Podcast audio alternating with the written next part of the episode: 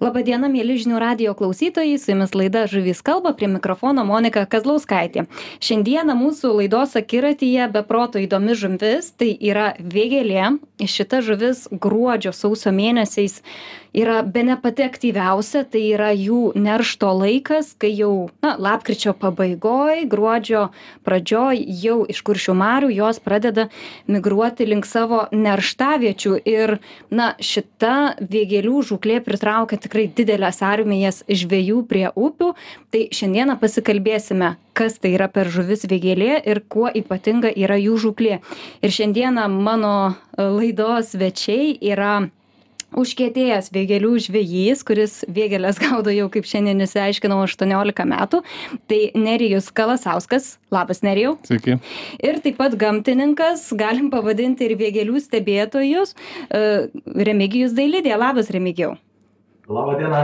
E, Taip, tai pradėsiu galbūt remigijau nuo jūsų. E, Koks jūsų vėgėlių stebėjimo ir žvejybos stažas? Jūs taip pat esate ir biologas, ar nepataisykit, jeigu neklystu. Tai papasakokit, kiek laiko stebit šią žuvis, kuo jos jums ypatingos ir, na, kokia tai žuvis yra vėgėlė? Na, gyvenime vėgelės užėmė nemažą etapą mano uh, žuvų pažintimo, jeigu tai būtų galima pasakyti, tokie etapėlį. Tai gaudavau aš tas vėgelės, žinoma, jau nuo vaikystės, turbūt nuo kokių penkių ar šešių metų, kai pirmą kartą šią prūdę ištraukiau. O buvau uh, pašventęs save uh, suprasti gyvelių, vėgelių gyvenimą, tai maždaug 5-6 metus. Tai ką aš dariau dabar su tom vėgelėm? Tai tiek vasarą, tiek rudenį e, stengiausi jų pagauti, nustatyti jų, e, kaip pasakyti, migracijos kelius, suprasti jų biologiją, e, kada jos pradeda maitintis intensyviau, ką jos maitinasi, kada jos kyla į nerštą, kurioje vietoje neršia, kaip veikia tą nerštą arba tą jų migraciją meteorologinės sąlygos, kokia turėtų būti vandens temperatūra, kuo jos maitinasi ta prasme pilnas paketas tokio e, stebėjimų gamtininko, kuris buvo žinoma e, dar skatinamas kaip žvėjo mėgėjo e, toje pozicijoje. Tai galbūt aš negalėčiau pasakyti, kad aš jas pažįstu tik kokius šešis metus, galbūt aš jas pažįstu visą gyvenimą, bet nustojau aš jas gaudyti um, maždaug 2013 metais, nes neliko kuršių mariose ledo. Mhm. Tai kai neliko ledo, tai mano žvejyba um, kuršių mariuose praktiškai pasibaigė. Nes žvejoti jas nerštavietėse aš negaliu, man neleidžia mano vidiniai įsitikinimai, kad žuvį gaudyti nerštavietėje, o po neršto aš jų gaudyti negaliu, dėl to, kad jos labai greitai nusileidžia į kuršių marias, o ten reikia gaudyti nuo ledo jas. Tai va taip. Mhm. Ledo neturim, ar ne? Um, ir pati vėgėlė, uh, kuo jinai tokia išskirtinė, nes, na, nėra labai daug žuvų, kurios nerštų gruodį ar sausį, jeigu neklystu. Tai čia šita žuvis, jinai yra ypatinga. Čia mes turim žuvį, kuri liko iš paskutinio ledynmečio, kuris buvo maždaug prieš 10-12 tūkstančių metų. Tai šita vėgėlė ta žuvis jinai artima yra jos giminaitė gyvena pasauliniam vandenyne menkė. Tai baltijos jūroje mūsų baltijos menkė jos pati artimiausia sesuo yra. Ir baltijos jūroje jų populiacija tiek menkių vienu metu tiek vėgėlių buvo pakankamai didelė. Žinoma jūs paklausėt manęs negirdėjom mes kad gaudytų kas nors vėgėles klaipėdoj jūroj tai aš ir nepaneigsiu to fakto, bet Botnijos įlankoje jų sugavimai yra patys didžiausi. Ir ten vėgalės yra statistiškai, bent jau Europoje pasižiūrėjus į jų sugautus dydžius individualius, yra didžiausias iš Botnijos įlankos. Mhm. O ap įprastai koks yra vėgėlės gyvenimo ciklas? Vasarą jos yra labai neaktyvios jos praktiškai nesimaitina ar ne? Jos laukia to atšalusio vandens kuris e, at na vė vės vanduo turi būti maždaug šešių laipsnių ar ne kad jos jau tą aktyviausią savo fazę pasiektų. Koks tas e, vėgėlės gyvenimo ciklas kuo jos maitinasi tos žuvys? Nes irgi esu prisiskaičius kad jos praktiškai visavalgės tokios atrodo tai jau jų biologija tokia ir taip sudėta įdomiai yra. Visų pirma galbūt pradėkime nuo to kodėl jos neršia e, taip vėlai. Ta prasme jos jų nerštas nesutampa su jokių kitokių žuvų nerštu tai yra vienintelė žuvis kuri neršia lietuvoje. Maždaug nuo gruodžio vidurio kažkur antros pusės priklausomai nuo vandens temperatūros ir išnešia labai greitai. Dvi trys savaitės ir praktiškai ta didžiulė e, masė vėgėlių jos e, išneršia tai dabar tai yra susiję vėlgi aš paminėsiu su tuo kad tai yra daugiau šiaurinio tipo žuvis borealinė ir jinai sėkmingai gyvena šiaurinėse e, šalyse. Ta prasme šiauriniam diapazone upių išsidėstymo ir ežerų tačiau kaip nebūtų keista jų galima surasti net italijoj tai yra vienui vienintelis ežeras kuriam dideliam gylyje yra žema temperatūra ir jos puikiausiai ten pervasarioja dabar kas sąlygoja jų tokį keistą gyvenimo būdą? Tai vis dėlto manyčiau kad e, tas periodas žemės kada buvo tas ledynmetis suformavo jų tokią elgseną. Jos tiesiog biologiškai priprato prie tokio gyvenimo gyvenimo būdo dėl to kad didžioji dalis e, Europos žemyno, ypač šiaurinės pusės, buvo sukaustytos lede, reiškia grete esančios upės ir ežerai buvo labai šalti ir ta žuvis puikiausiai prisitaikė išgyventi. Ir kai vandeninas atsitraukė, atsiprašau, ledynas atsitraukė, šitos žuvis šaltuose ežeruose, upėse, jos e, liko gyventi. Tačiau vyko pokytis šiek tiek e, kitame, jų jaunikliai, vėgelių jaunikliai, jie yra tokie jautrūs žemai temperatūrai. E, tai čia yra įdomu mytyboje, todėl kad vasarą e, per pirmus metus jaunikliai gali pasiekti nuo 8 iki 10 cm priklausomai, kurioje vietoje jie gyvena. Ar tai yra ežeras, ar tai yra kuršimaras, ar tai yra kažkokia šalta upė. Ir e, tolimesnis jų mytybos režimas išlieka iki maždaug to, kol jos pasiekia, na taip grubiai tariant, pusantro šimto du šimtus gramų. Toliau jos iš lėto pradeda e, aptingti vasarą ir e, maitintis jos maitinasi. Tačiau toks tempas mitybos kai ryja viską aplinkui šiek tiek sulėtėja. Ir tas šiltas vanduo kuris dabar ypatingai mūsų regione vasarą būna ta daleiskim ežerai jie perkaista ir jeigu vėgėlė neturi kur pasislėpti ta prasme šiek tiek atsitraukt į šaltesnį vandenį nu jinai tokios būsenos įdomios būna tokios vos ne anebiotinės būsenos ir mūsų patirtis lietuvos jūrų muziejuje jas laikant labai tokia įdomi yra jos vasarą tiesiog nustodavo visiškai ėsti kada vandens temperatūra pakildavo daugiau negu penkiolika laipsnių Mhm. Tiesiog nesimaitina. Tai jos tiesiog iš vidinių riebalų išgyvena, kaip jie. Uh, taip jeigu mes pažiūrėtume į jų žarnyną jų žarnynas beje labai įdomus. Tokį žarnyną turi e, ir menkė reiškia žarnyne yra tokios specifinės žarnų kišenės kurios leidžia maistą įsisavinti šaltu nu šaltam e, šaltoj temperatūroj. Tai yra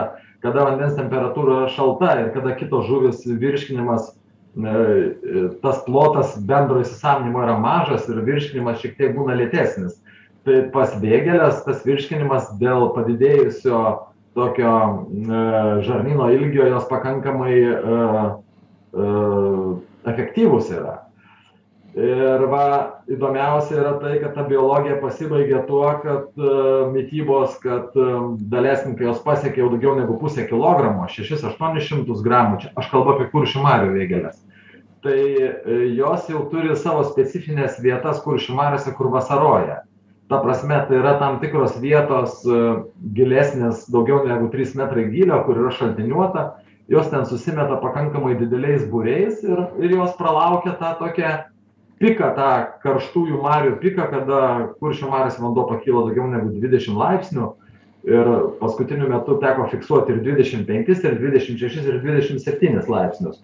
Tai įsivaizduokit kad tom vėgėlėm tikrai jau būna toks na snūduriavimo periodas pakankamai ilgas o rudenį jos e, pradeda maitintis maždaug ties šešiais laipsniais nu jau nuo aštuonių nekalbant apie tas mažąsias. Tos mažosios vėgėlės kurios dar sveria ir du šimtus ir tris šimtus gramų jau jos būna suaktyvėjusios. Ir man teko stebėti jų labai aktyvią tokią mitybą jau spalio pirmoj pusėj kada prasidėdavo pirmosios šalnos lietuvoj čia prie senesnio klimato ir jos labai aktyviai tada maitindavosi ir jas būdavo galima pagauti žvejojant daleiskim visai kitas žuvis karšius pavyzdžiui vakare ar ar ar ar kokias nors kuojas ar šiaip žuvis kurios maždaug sutampa jų na lokacijos vieta su vėgėlių vieta Mhm, taip.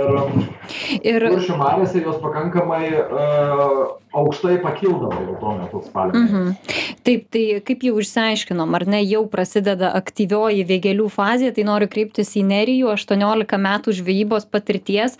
Tai kiek pačiai teko domėtis ir bendrauti su žvėjais, tai vėgėlių žvejyba yra labai įdomi. E, pasistatot tam tikras ir palapines, tokius kaip namelius prie upių, užsiinkaruojat kabutėse. Ir, kaip sako, geriausiai kimba, kai yra labai bjaurus oras, tai šlapdriba, vėjas, minusas jau yra laukia ne pats patogiausias, ar ne, laikas žvejybai. Tai papasakokit, kaip atrodo ta vėgėlių žuklė ir kuo na taip švelniai tariant bepročius ten taip traukia prie tų upių nu traukia tai visgi egzotika kaip čia pasakyt romantika lyja šalta šlapia ne kiekvieną kartą nuvažiuosi tokiom sąlygom ir ta e, reliktinė žuvis vat kaip remigijus ir sakė kad e, ledynmečio palikimas daugiau ne neišvysi nieko panašaus mhm. tai vat vien tą vėgėlę pagauti jau pats tas procesas yra nu tas vat vilioja mhm. dėl to oro tai jau kai vanduo atvėsta paskui net ir tas atšilimas kažkoks jau nu nebe nebe nebe nebedingsta jau tas kibimas vis tiek jau jinai pasileidžia į savo nerštavietes ir ir kimba bet kuriuo atveju. Tiktai vėlgi ten jeigu būna bjaurus oras ten didelis vėjas lietus ir taip toliau tai aišku po vandeniu irgi yra triukšmas labai vėgėlė bijo triukšmo. Tai tokiu atveju nebe... Muzikos klausyti negalim. Nu, taip, taip, ten šokti, šokti basas raganaitas ir taip mhm. toliau geriau nereikia, bet, bet va to bjaurių orų, jinai netaip girdi tos visus vaikščiojimus krantais, tos visus permetimus, pliaukšėjimus, jinai agresyviau ima masalą, tai kai būna tyku, ramu, švelnus, geras toks oras, jinai būna atsargesnė, labai išlėto tas kibimas, reikia pastebėti, jinai nebūtinai ryja, kaip visi įsivaizduoja, kad vėgelė tai ten plaukia ir viską ryja. Taip o tos vat mažytės kur du trys šimtai gramų tai ten jos e, ryja beprotiškai. O tos didžiosios jos yra atsargios protingos žuvys pramokytos jau. Taip tikriausiai. Kokie laimikiai dažniausiai jums užkimba? Ar čia yra teisybė kad tų vėgėlių pirmiausia yra labai kiekis sumažėjęs ir dydžiai yra jų sugavimų? Pačių žuvų dydžiai yra mažesni nei anksčiau. Dydžiai dydžiai gal ne dydžiai gal kažkas panašaus. Čia vieni metai būna didesnės kiti mažesnės nežinau nuo ko priklauso. Visą laiką būna pradžioj pirmosios pasirodo stambiosios paskui būna mažesnės prieš paskui jau prieš patį galą prieš draudimą vėl atsiranda didesnės toks nu labai nuo metų priklauso. O jeigu kalbant apie tas kuršių marių vėgėles tai dydžiai labai įvairūs vat kaip sakė irgi remigijus tai spalio gal spalio gale jau pasirodo tos mažosios pradžiai kur ten iki pusės kilogramo. Ir, o paskui įvairiai būna kilogramas, pusantros tekia pagauti ir tikrai virš, gerokai virš 4 kg tų vėgelių. Mhm. Ir vėgelės taip pat galima žvejoti ežeruose, tiesa? Taip. Ar pačiam yra tekę? Ne, ežeruose neteko gaudyti, nors teko domėtis truputėlį, bet e, nėra Lietuvoje daug ežerų, kad būtų galima pagauti didelių tų vėgelių. Mhm tai gal yra va tas veja yra vištytis dar ten yra keletas. Mhm. bet pavyzdžiui toks kaip vištytis nu kaip ir kuršių marios nebeužšąla. Mhm. taip. Jeigu ir užšąla tai ten geriau nelipti. Remigijau kreipiuosi į jus kaip yra su vėgėlėmis ežere? Ar jų gyvenimo būdas kiek nors skiriasi nei kuršių marios ta prasme kuršių mariose galbūt didesnę įtaką daro mitybinė bazė ta ką jos ten ėda tose kuršių mariose. Tai jom kuršių marių silpnybė yra yra pūgžliai ir yra ypatingai stintos. Stinta. Tai jau šitą skanėstą jos neapeina niekaip. O va nežinau ką jos maitinasi ežeruose nes neturėjau tos garbės. Esu esu savo vaikystėje gaudęs tvenkiniuose, nu tai čia toks kaip čia gaudimas, atsitiktinumas, kada tu žvejoji ir tau nesiktinai užkimba.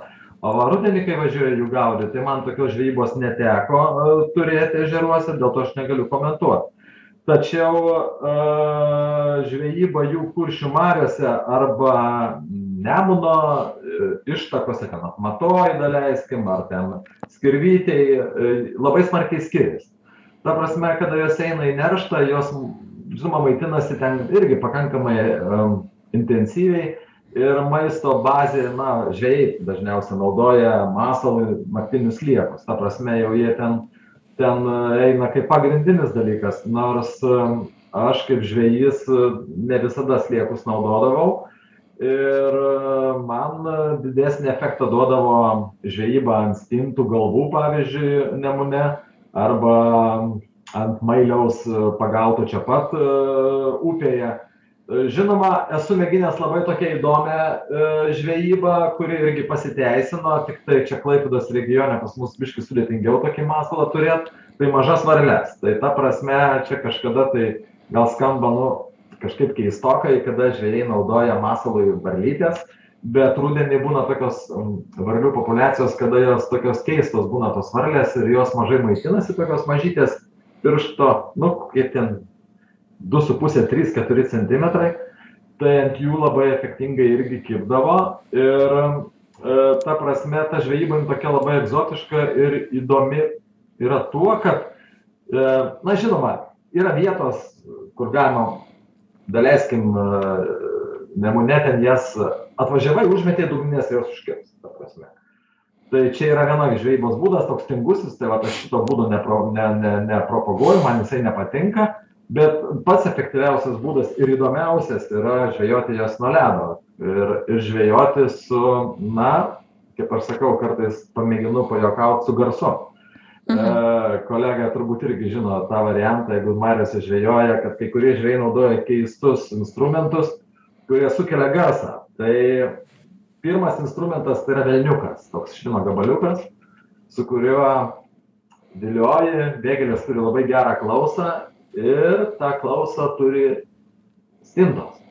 Stintos turi tuntinius garsus e, labai tokius specifinius. Tais tuntiniais garsais naudojasi kuršių marių žvejai jie tuos garsus sukelia su stintapūkio ta tokia lenta ir tam tikri garsai žinokit suvilioja ir vėgėles ir visą laiką galima e, turėti tokią smagią žvejybą naudojant viliojimui būtent e, specifinius garsus. Tai vat tokių mhm. žvejų daug nesu matęs bet asmeniškai pažįstu e, vietinius kelis žvejus kuršių nerijoj gyvenančius kurie dar dabar naudoja tą vadinamą patriukšmavimą žvejybos vietoje.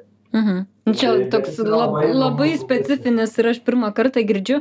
Ir dar prieš pertraukėlę Nerijaus noriu paklausti, tiek esu girdėjus iš žvėjų pasakojimų, kad, na, kai prasideda vėgėlių žvejybos sezonas, tai prie nemuno atsi tokios kaip kaip atlaidai gauti rasti vietą tose gerose vadinamose topinėse vietose yra gana sudėtinga. Net vienas žvejas man pasakojo kad vos visą automobilio kurą išdegino kol suko ratus aplink ieškodamas kur galėtų užsimest meškeres kiti dar pasakojo kad net girdėjo tokių atvejų kad žvejai moka vietiniams žmonėms kad jie užimtų ir sėdėtų tose vietose ir nie niekam neužleistų. Tai ar iš tiesų sudėtinga surasti gerą tą žūklavietę vėgėlėms? Ar žvejų padaugėjo pamažėjo? Kaip jūs matot? Aš tai manyčiau, kad daugėja, nes visas tas e, reklamavimas į Facebook'e, kaip dabar yra labai mėgstama, tai nu, duoda tam tikrus rezultatus. Dar priedo yra panaikintas uh, leidimas nu ta prasme nebereikia registruotis pasieny kad galėtum būti pasienio zonoj. Tai mhm. dabar bet kam šovė į galvą ai varom vėgėlių nu ir varom vėgėlių tai taip čia gal e, klausytojam paaiškinkim koks tai turėjo būt leidimas nes nemunas ar ne jisai jau ribojasi su rusijos federacija ir reikėdavo anksčiau atvažiuoti į pos postą kažkaip gauti leidimą? Anksčiau būdavo reikėdavo vietoj pas ten užkardoj užsukti užsi prisiduoti ten susipildai dokumentus ir paskui kiek būsi ir gauni gauni leidimą. Paskui buvo pasikeitus ta situacija, reikėjo iš anksto užsiregistruoti. Tai yra galėjai atlikti arba į vietą atvažiavęs, arba oro uoste arba internetu ir gaudavai atsakymą per dešimt darbo dienų Tai yra, tu norėdamas žvejoti, tu turi planuotis iš anksto, kad susitvarkyti leidimą ir tik tada galėsi nuvažiuoti. Tai va tai truputėlį. Atsijodavo žvėjus, ar ne? Taip. Turim padaryti labai trumpą pertraukėlę, pasiklausysim žinių ir iš karto po jų vėl nersim į vėgėlių gyvenimo subtilybės. Likit su žinių radiju, greitai sugrįšim.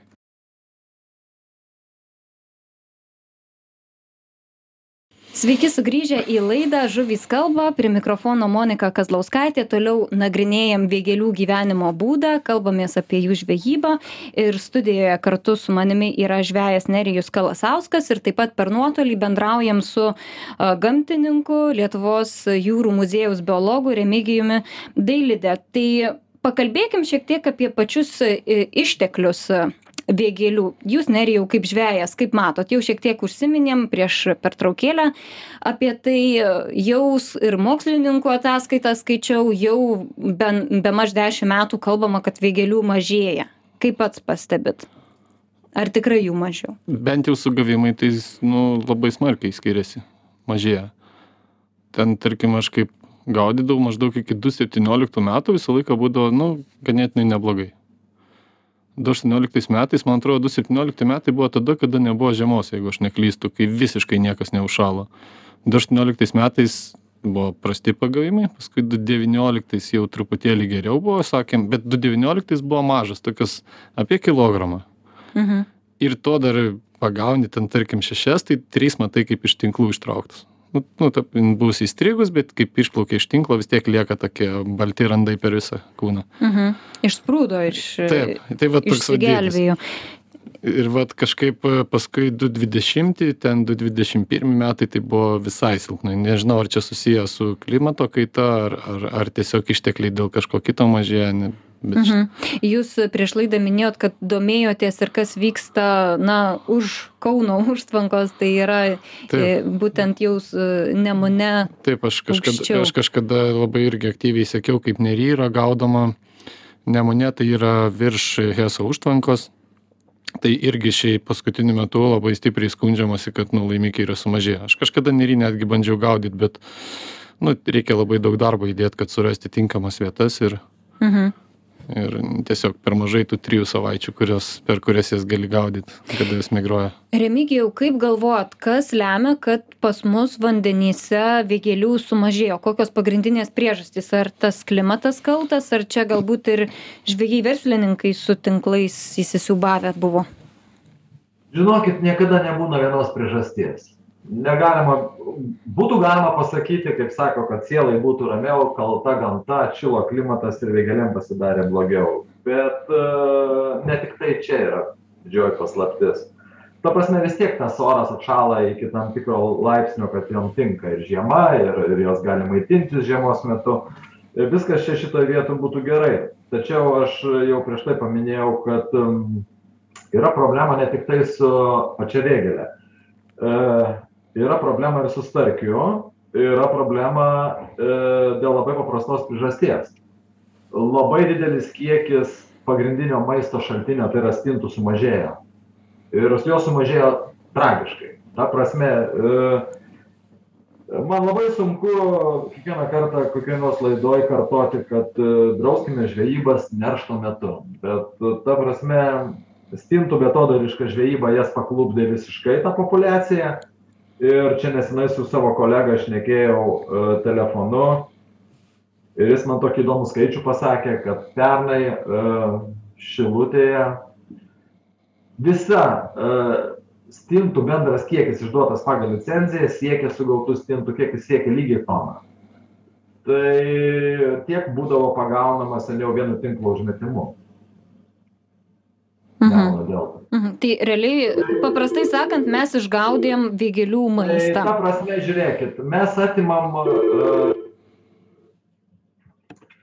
mes atimam iš e, e, žuvų, plėšriųjų žuvų dalį mytybinės bazės. Žinoma, čia galima vėl filosofinius traktatus rašyti, sakysite, reikia daryti tyrimus, čia reikia žiūrėti. Bet aš jums tiesiai šviesiai pasakysiu, pats didžiausias tyrimas tai yra gamtininko stebėjimas, kuris yra daromas nuo linėjaus laikų. tai vat jeigu kolega e, žvejys jisai yra eksperimento dalyvis nes jisai nuvažiuoja jisai gaudo jisai pagauna jisai mato jisai pamatuoja pasveria tai yra viena iš eksperimento dalių jeigu tokių eksperimentininkų yra daug tai be abejo jie dalį tų tų tų vėgėlių nuima nuo neršto nuima nuo nerštaviečių ir jų automatiškai išneršia mažiau tačiau tom vėgėlėm išneršusiom sėkmingai dar reikia sugebėti išgyventi jom reikia dar kažkuo pasimaitinti. Ta prasme ta lervutė kuri nemune išneršus jinai maždaug išbūna iki žuvelės dydžio ten virsta nuo ikriuko iki žuvytės praeina maždaug pusantro du nepilni nu maždaug pusantro ten du mėnesiai. Tai e, ta žuvytė mažytė jinai puola viską aplinkui valgyti ir jinai e, pradžioj maitinasi smulkiais vėžiagyviais. Nu tą randa ten smulkiom kirmėlaitėm o paskui kai jau paauga ten penkiasdešims gramų ir daugiau netgi tai jai jau reikia pasigauti žuvytę jau reikia normalaus e, mitybos šaltinio. O stintos kaip nebūtų keista jų masinis toks atėjimas jų ateidavo čia tūkstančiai tonų ar ar šimtai galbūt tonų būt būtų galima sakyt kur jų jauniklių būdavo pilnos upės upeliai kada jos išneršia ir būtent tada ta ta žuvytė tampa stintos jauniklis tampa pagrindiniu maistu tiem patiem starkiam karšiam e, pūgžliam e, ypatingai vėgėlėm. Čia dėl to žuvelės iš proto eina visos plėšriosios žuvys Mhm. tai aš dėl to ir sudėčiau jeigu dėtume tas priežastis tai negaudykim e, šitų vėgėlių nerštavietėse galbūt pirmas būtų dalykas. Antras dalykas ko gero būtų kad vis dėlto saugokim ir gretutinius išteklius saugokim stintas ir trečias dalykas būtų kurio mes nepakeisim tai būtų atšilęs e, vanduo bet dėl to atšilimo nu kaip čia pasakyt čia e, žieminis atšilimas nėra pavojingas e, atšilimas vasaros metu perkaitimai vandens va šitie yra labiau pavojingi šaltamėgėm žuvim Mhm. Aš noriu dar pasiklausti abiejų, nežinau, kuris galėtų labiau gal atsakyti. Um, kaip atrodo tas vėgėlės migracijos kelias greitis kaip jos greitai pasiekia migracijos vietas tai pirmas akcentas. Kitas akcentas yra a skaičiau tokį dalyką kad vėgėlių patinai po neršto dar saugo savo lizdus savo a ikrelius. Ar irgi tai yra tiesa galbūt ką nors esat girdėję? Ir kaip yra su tom lervutėm? Kaip jos kiek laiko čia turbūt jau remigijus galėtų pasakyti kiek laiko jos užsilaiko upėj ir kada jau jos grįžta migruoja keliauja atgal į kuršių marias. Tai va toks sudėtinis klausimas yra. Tai remigijau nuo jūsų gal pradedam paskui su nerijum Jeigu jau baigsim. pageidavote geografinių žinių, tai jau pasakysiu, ką jau čia beslėpti. pasakykit. Ta prasme, jeigu mes žiūrėtume ciklą, tai ciklas prasideda spalio, na, da vėl pasislinko ta oro temperatūra, bet paprastai aš važiuodavau žvejoti visą laiką spalio pradžioje, kada pirmasios šalnos ir vidutinė oro temperatūra pasidaro maždaug 6 laipsniai dieną nu naktį ten biškį pašalnoja atsiranda tie pašalimai toliau lietuvoj ta prasme kada atstumia atitraukia nemunas atneša tą šaltąjį vandenį atšalusį lietuvoje per tas naktines šalnas.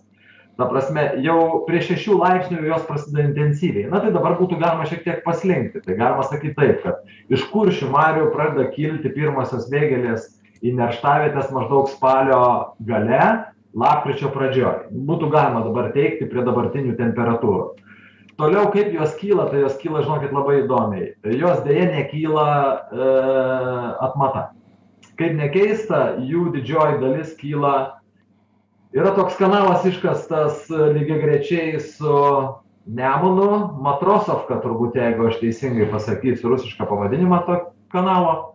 Ir va tuo kanalu jos kyla aukštyn ir pakyla iki pat e, ties pagėgiais kažkur va toj vietoj maždaug. E, tas matrosovka išeina į nemuną ir ten susikaupia jų didžiausias kiekis ir jos ten pasiskleidžia.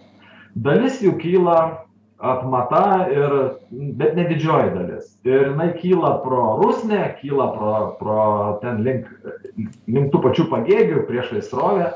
Ir nerštavietės jos maždaug sueina, nu, lapkričio viduryje, priklausomai vėl nuo tos temperatūros, gruodžio pradžioje paskui jos laukia to vadinamo temperatūros pažemėjimo dėl to kad e, jom dar pačiom reikia šiek tiek pabrandinti tuos ikrus ir jeigu būna standartinė žiema kur jau šalčiai laikosi minimalūs nuo gruodžio pradžios iki iki sakykim iki gruodžio vidurio nerštas kažkur prasideda antroje dekadoje. Tai čia vėlgi nėra tų tokių datų tokių kalendorinių. Nu grubiai tarkim kad draudimas žvejoti vėgėlėm įsigalioja nuo gruodžio penkioliktos ir aš kaip visą laiką sakau jisai labai laiku yra įvestas. Ir viskas tada ta vadinama žvejyba turi užsibaigti ir ir išneršia jos kažkur tai iki sausio pirmos dekados tai ten trunka na dvi tris savaites nerštas.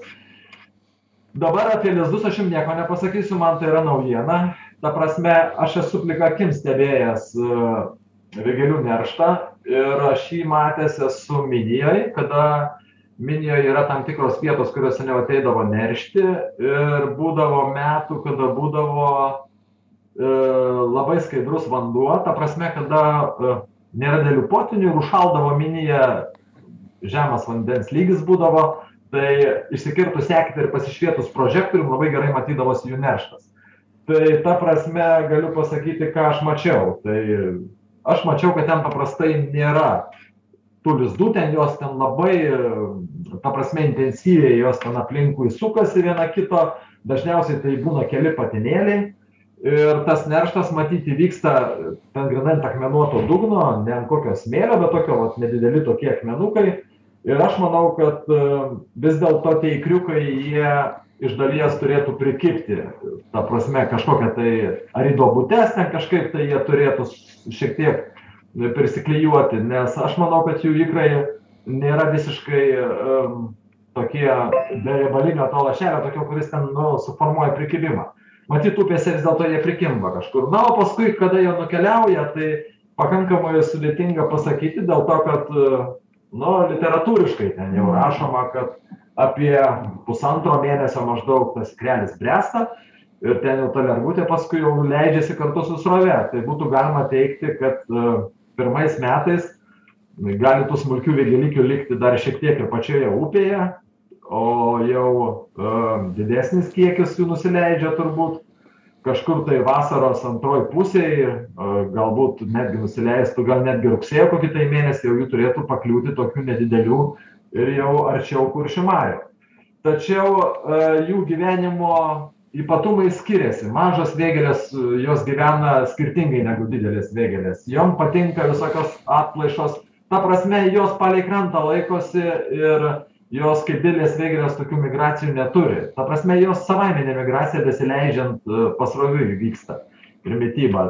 O į nerštą kyla jau subrendus taip va nerijau pabaigai noriu paklaust jūsų tai jau išsiaiškinom kad na kuo vėgėlės ypatingos kuo jos įdomios kuo jos žavios ar jau išsirinkot žvejybos vietą ar jau pasiruošėt palapinę pasistatėt Išsirinkę vietą mes jau anksčiau esam. Mhm. Turim kelias. Žvalgyba jau jo. turbūt padaryta seniai. Mes nežvėjom tose vietose ten, kur tie vadinami atlaidai būna kolkozai, mes atokiau susiradę. Mhm. Kur ramiau buvo. Ramesnį kampelį, ar ne? Taip, ten, ten nėra daug tų pasirinkimų, tai. Mhm. Bet e, dabar dar šeštadienį galvoju naują vietą tokią sunumatęs labai mhm. labai knieti nešti nagai pabandyt. Dažniausiai jūs grįžtate į tas pačias vietas ir, kaip sakot, vis kažką per tą ne, neilgą į sezoną į tas, pabandot. į tas pačias dažniausiai. Nu, mhm. aš į tarpus, ten į tarpus kažką vis pasibandau dar papildomai. Taip. Laikas mūsų visiškai pasibaigė. Noriu padėkoti abiems pašnekovams, kad radot savo laiko pasikalbėti apie vėgėlės, beproto įdomi žuvis. Dar tiek daug atrodo norėčiau jūsų paklausti, galbūt ateityje dar grįšim prie šitos temos kaip ir išsiaiškinom kad vėgėlių populiacija neguminė jų mažėja tai noriu priminti žvejams būti sąmoningais nesiimti visų pagautų žuvų paleisti jas suteikti galimybę išneršti ir na palaikyti gyvybingą jų populiaciją. Tai noriu priminti kad šiandieną apie šias žuvis kalbėjausi su žveju nerijumi kalasausku ir taip pat gamtininku e, lietuvos e, jūrų muziejaus biologu remigijumi dailide. Su jumis buvo ir vedėja monika kazlauskaitė ir klausykitės mūsų laidos žuvys kalba jau kitą trečiadienį tuo pačiu laiku. Dėkui visiems ir susiklausysim jau kitą kartą. Iki malonaus. Viso.